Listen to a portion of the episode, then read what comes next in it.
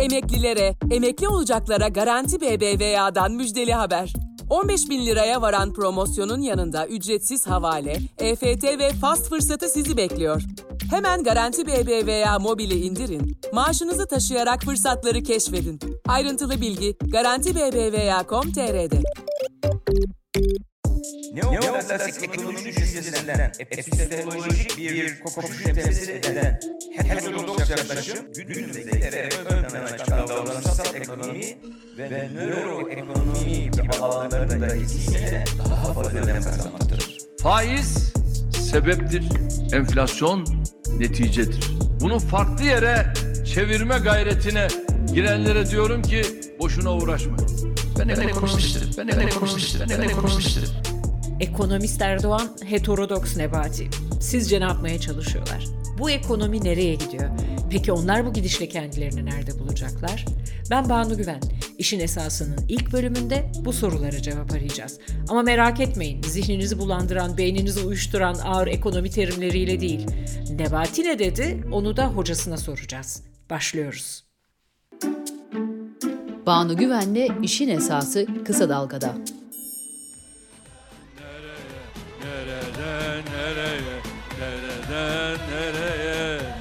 Türkiye? Nereden nereye, nereden nereye? Hakikaten nereden nereye? Adalet ve Kalkınma Partisi, daha doğrusu Erdoğan, iktidarda geçirdiği 20 yılda Türkiye'yi öyle bir yere getirdi ki buradan dönüş nasıl olur, memleketin kendini toparlaması kaç yıl sürer tahminde bulunmak zor. Kadın haklarından çevreye, yargıdan akademiye, medyadan sivil topluma kadar aklınıza gelebilecek her alanda büyük bir erozyon yaşanmış durumda. Bu erozyonun uzun zamandır en kuvvetli hissedildiği alansa ekonomi. Yani halk için çarşı, pazar. Şu kadar peynir alıyoruz 30 milyon. 5 kişilik ailesin biri yese biri kalıyor. Biz bittik ülkece hiçbir şeyimiz yok. Biz yolunmuş tavuğa döndük. Zengin, zengin, fakir, fakir. Benim yan binam beş buçuk kiraya gidiyorsa Esenler gibi yerde ben daha bir şey söylemiyorum. Bu topluma sesleniyorum. Akıllı olsunlar, ellerinde vicdanına koysunlar. Türkiye'yi seviyorlarsa ona göre karar versinler. Hadi Allah'a emanet. Sokak röportajlarında sık sık duyduğumuz bu serzenişler ailemizden ya da yakın çevremizden de yükseliyor. Konuştuğum arkadaşlarım, eş dost, hatta esnaf zamlara yetişememekten muzdarip. Ben de açıkçası 1970'lerin enflasyon canavarıyla büyümüş biri olarak fiyatların bu kadar hızlı yükseldiği bir dönemi hatırlamıyorum. Markette elimi uzattığım ürünlerden çoğunu fiyatlarını görünce yerine koyduğumu da. Normalde böyle bir durumda hükümetin ya da para politikasını belirleyen mercilerin harekete geçmesi, enflasyonu dizginleyecek önlemler alması gerekir. Ama herkes gider Mersin'e, biz gideriz tersine sözünün hakkını veriyor Erdoğan ve saz heyeti. 2022'de yaklaşık 90 ülkenin merkez bankaları enflasyonla mücadele için faiz artırırken bizim Beştepe güdümlü Merkez Bankamız faiz düşürmeye devam ediyor. Peki neden? Cevabı önce direksiyonun başında oturan kişiden dinleyelim bilmediğimizden değil, bu konuda nedenli sabit fikirli olduğunu hatırlatmak için. Bir defa bu faiz belasından Türkiye'yi faizi aşağı indirmek suretiyle enflasyondan da ne yapacağız? Kurtaracağız. Enflasyonun anası da babası da faizdir. Ekonomide her kötülüğün anası faizdir. Erdoğan faizi düşürünce enflasyonun da düşeceğine o kadar inanıyor ya da inanmak istiyor ki bu hayalini ayakta tutabilmek için olağanüstü vaatlerde bulunuyor. Mesela 2021 Ağustos'unda bir televizyon programında pes pembe bir tablo çizmiş Cumhurbaşkanı. Bundan böyle enflasyonun daha yukarı çıkması mümkün değil. Zira faiz oranlarında da bir defa düşüşe geçiyoruz. Ve yüksek faiz yok. Çünkü yüksek faiz bize yüksek enflasyonu getirecektir. Ama düşük faiz de bize düşük enflasyonu getirecektir. Bu vadenin üzerinden bir yıl geçtiğinde yani Ağustos 2022'de enflasyon durmak bir yana çoktan canavarlaşmıştı. Erdoğan'ın kontrolündeki Türkiye İstatistik Kurumu TÜİK'in hesabına göre yıllık %80,21'e, Bağımsız Enflasyon Araştırma Grubu ENAG'ın verilerine göre ise %181,37'ye tırmanmıştı. İktisatçılardan, iş insanlarından, piyasalardan gelen telkinler, yabancı yatırımcının beklentileri ve hatta her faiz indiriminden sonra yükselen dolar kuru hiçbir Erdoğan'ı baş koyduğu bu yoldan döndüremedi. Merkez Bankası'nın geçtiğimiz günlerde politika faizini %12'ye çekmesinin ardından Türk lirası ABD doları karşısında yine değer kaybetti. Erdoğan yine de bana mısın demedi. Dolar rekor kırdıktan sonraki günlerde hala daha faizle savaşmaktan söz ediyordu. Benim biliyorsunuz en büyük savaşım faizdedir. En büyük düşmanım faizdir. Ve şu anda yine faizi 12'ye kadar düşürdük. Yeter mi? Yetmez. Bunun daha da inmesi lazım. İyi ama önümüz seçim. Beyefendiye kimse sormuyor mu bu nasıl bir seçim kazanma stratejisi diye. Gerçi çevresinde bunu sorabilecek kimse kalmadığını, soru sorabilecek yakınlıkta bir gazeteci çıktığında da ona e köşende gereğini yap o zaman diye ayar verildiğini biliyoruz ya. Neyse. Erdoğan medyasının hali başka bir bölümün konusu. Size sözüm olsun. Ekonomiye dönelim. Şimdi gözümüzün önünde defalarca uygulanan bir deney var. Sonuç hüsran ve hiç değişmiyor. Ama Erdoğan Nasrettin Hoca'nın ya tutarsa meselini anlamamış olacak ki göle maya çalmaya devam ediyor. Gerçekten farkında değil mi ne yaptığının? Ekonomi gazetecisi Erdal Sağlam'a, iktisatçı Profesör Doktor Selva Demiralp'e ve Maliye Bakanı Nebati'nin hocası olduğu için övündüğü Profesör Doktor Burhan Şenatalar'a sordum. Erdal Sağlam diyor ki, bir kere yanlış bir yola girdi ve bu yoldan çıkamıyor. Her şeyden önce o var. Yani bunun görmemesi mümkün değil. Ama şimdi gelinen noktada e, bir başka şey yapmak istiyor. E, ben bu konuda ısrarcı oldum ve galip geldim demek istiyor. Yani bunu nasıl yapacak? Tek haneye indirmeye çalışacak 12 bugün. Daha sonra bunu yıl başından sonra ya da yıl başında 9'a inmiş olacak. Belki daha da indirecek ve ne olacak? Faizi indirdiği zaman böyle bir ortamda kur üzerinde baskı artıyor ve seçim ekonomisi uyguladığımız zaman çok yüklü bir seçim ekonomisi uygulayacak onu biliyoruz. Öyle ki e, yıl başında yüzde 60-70 yeni zamlardan bahsediliyor. Çalışanlara, emeklilere, e, memurlara verilecek zamlardan. Zaten 1 Ekim'de meclis açılıyor. Burada gelir gelmez torba yasalarla bir sürü toplumsal kesime rahatlatıcı tedbirler alacağım diyor. Seçime para dağıtarak girecek ama bunun asıl sonucunu biz seçimden sonra göreceğiz ekonomide. Aslında bir felakete götürüyor önümüzdeki dönemi ekonomik açıdan. E, ama bunu bütün şeyi e, ben bu işi kendi e, şeyimi, savımı ispat ettim. Ben bu enflasyonu düşüreceğim gibi bir algı yaratmak seçim öncesinde. İyi de Erdoğan enflasyonu düşürebilir mi? Önümüzdeki aylarda ve sene başında rakamlara baktığımızda yıllık enflasyonun kağıt üzerinde daha düşük olduğunu görebiliriz. Ama gerçekte durum farklı olacak. Neden mi? Selva Demiralp çok güzel açıklıyor, onu dinleyelim. Şu var yani baz etkisiyle enflasyonun e, senenin son çeyreğinde e, düşmesi bekleniyor. Yani baz etkisi ne demek? E, işte geçen sene e, bu dönemde eğer enflasyon çok yüksekse bu senede e, o aylarda e, geçen seneye göre o kadar yüksek çıkmazsa o zaman e, işte baz etkisiyle biz enflasyon e, düştü diyoruz. Yani başlangıç noktanızla alakalı bir şey. Teknik bir ayarlama bu. Peki enflasyon düştü demek. Vatandaşın derin bir oh çekmesine yetecek mi? Vatandaş buna kanacak mı? Vatandaşların e, herhangi bir şekilde e, enflasyonun düştüğüne zaten bir takım e, söylemlerle inanacağını düşünmüyorum. Enflasyon hissettiğimiz bir şey çünkü hepimiz sokağa çıktığımız zaman kendi maaşımızdaki artışı da görüyoruz, fiyatlardaki artışı da görüyoruz. Burhan Şenatalar da enflasyonun hızının bu koşullarda neden kesilmeyeceğini şöyle izah ediyor. Bundan sonra hükümetin yapacağı şey işte asgari ücreti yükseltmek, sosyal yardımları yükseltmek ama bunların hepsinde açık finansmanla yapacağı için enflasyonu düşürme ihtimali yok.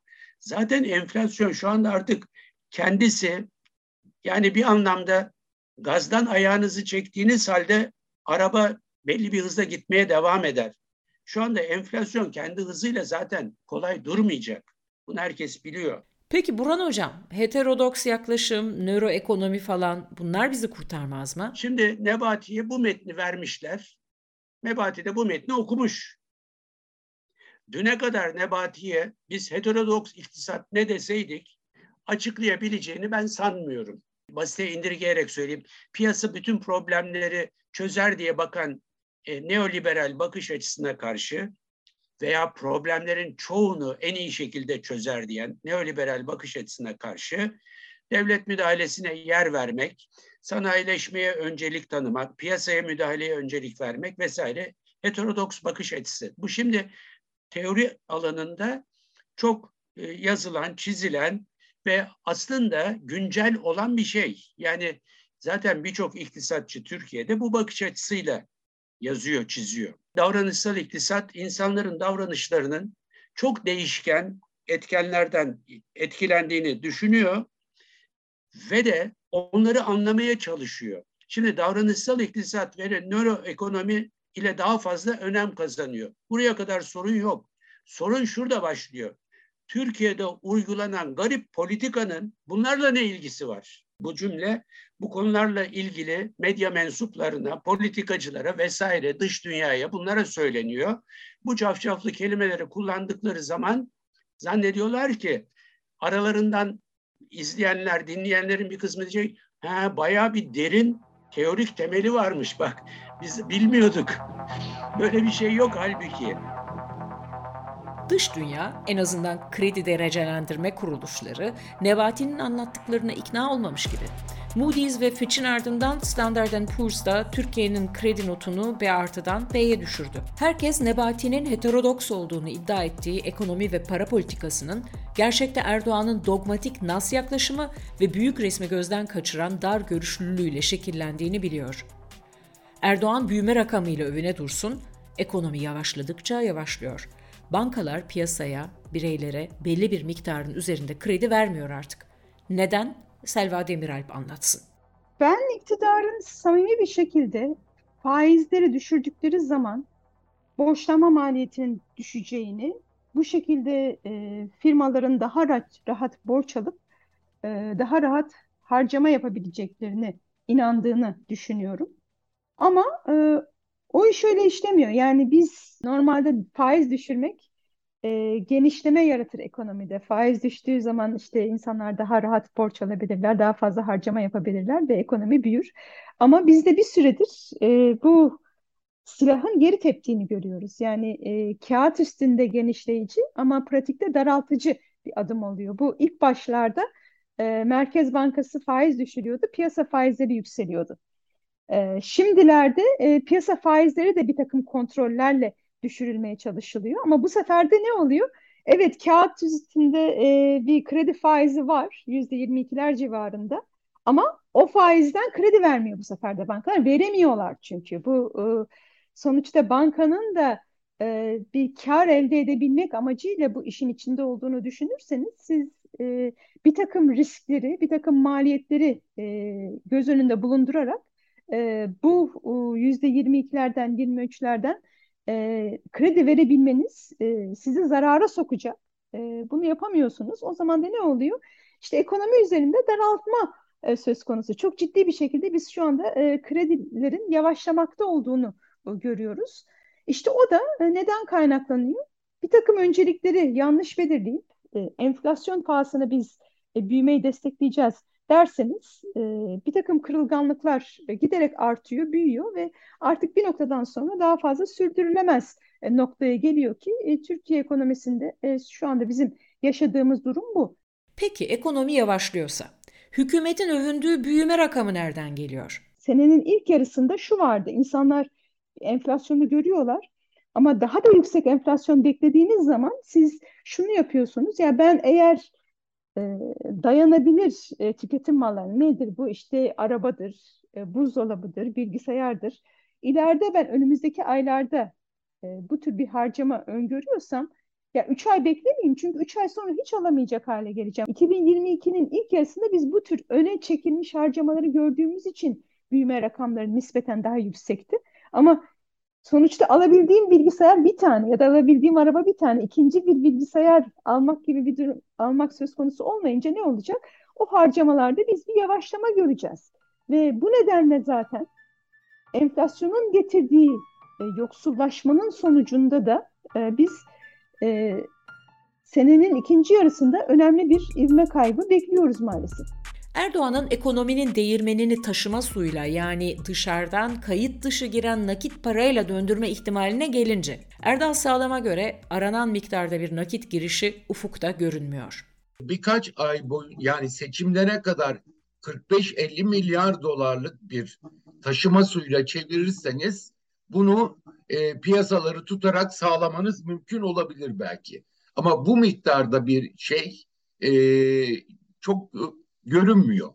Bunun için e, işte Birleşik Arap Emirlikleri'ne, Suudi Arabistan'a e, sürekli seyahatler yapılıyor.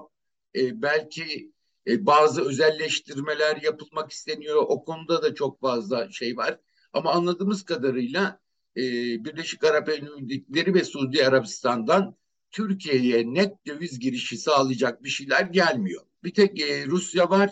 Rusya'dan da artık bundan sonra çok önemli miktarlarda Ağustos'taki gibi 10 milyar dolar falan gibi bir dövizin girişi pek beklenmiyor açıkçası.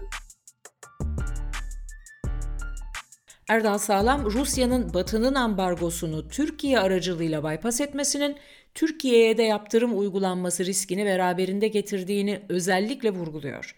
Yani Rusya ile riskli bir alışverişte Erdoğan. Erdoğan yine de enflasyon düştü, büyüme rakamı yüksek diyerek bir kısım seçmenin başını döndürebilir mi diye bir soru olabilir aklınızda. Onu da Burhan Şenatalar cevaplasın. Seçmen bu kadar soyut düşünmeye hiç yatkın değil. Seçmen kendi yaşadığı probleme bakıyor. Kendi yaşadığı probleme bakarken de aslında büyüme hızıyla da ilgilenmiyor. Büyüme hızını siz yüzde yedi de deseniz, dört de deseniz, sekiz de deseniz seçmen için hiçbir şey fark etmiyor. Seçmen sağına soluna baktığı zaman, kendi hayatına baktığı zaman yaşadığını görüyor. Peki seçmenin irrasyonel bir varlık olduğunu kabul eden davranışsal yaklaşımla soralım. Zamlar, sosyal yardımlar falan bunlar seçim öncesinde tutar mı? Erdal Sağlam diyor ki Sıradan vatandaşlar eğer çok fanatik bir e, Tayyip Erdoğan fanı değilse şunu görmeye başladı. Ekonomiyi bilmiyor, bildiğini iddia ediyor ve bizi giderek daha kötü bir hale getiriyor diye sıradan vatandaşlar da konuşmaya başladı. Tek seferlik bir ulufe dağıtarak bunların yeniden kazanılmasının ben en azından e, çoğunluğunun yeniden kazanılması pek mümkün gibi görünmüyor bana. Sokaktan gelen bazı sesler de bunu doğruluyor. Çocuklarımıza biz AK Parti aşıladık. Verin dedik. Dini bir siyasi insan. Evet. Merhametlidir, iyidir dedik. İyi yanlarını da gördük. Şu son birkaç aydır bize verdiği her şeyi zehir gibi burnumuzdan geri getirdi. Ben makarnayla yaşayamam. Bir maydanoz 5 milyon olursa ben açım demektir. Biz onu bu saatten sonra Cumhurbaşkanımız olarak görmeyi düşünmüyor. İktisat profesörleri, yatırımcılar, siyasetçiler ya da gazeteciler hiçbirimiz Erdoğan'a olmayacak duaya amin dediğini anlatamadık. Ama görünüşe göre seçmen ona bunu anlatacak. O zaman hep beraber söyleyelim. Nereden nereye?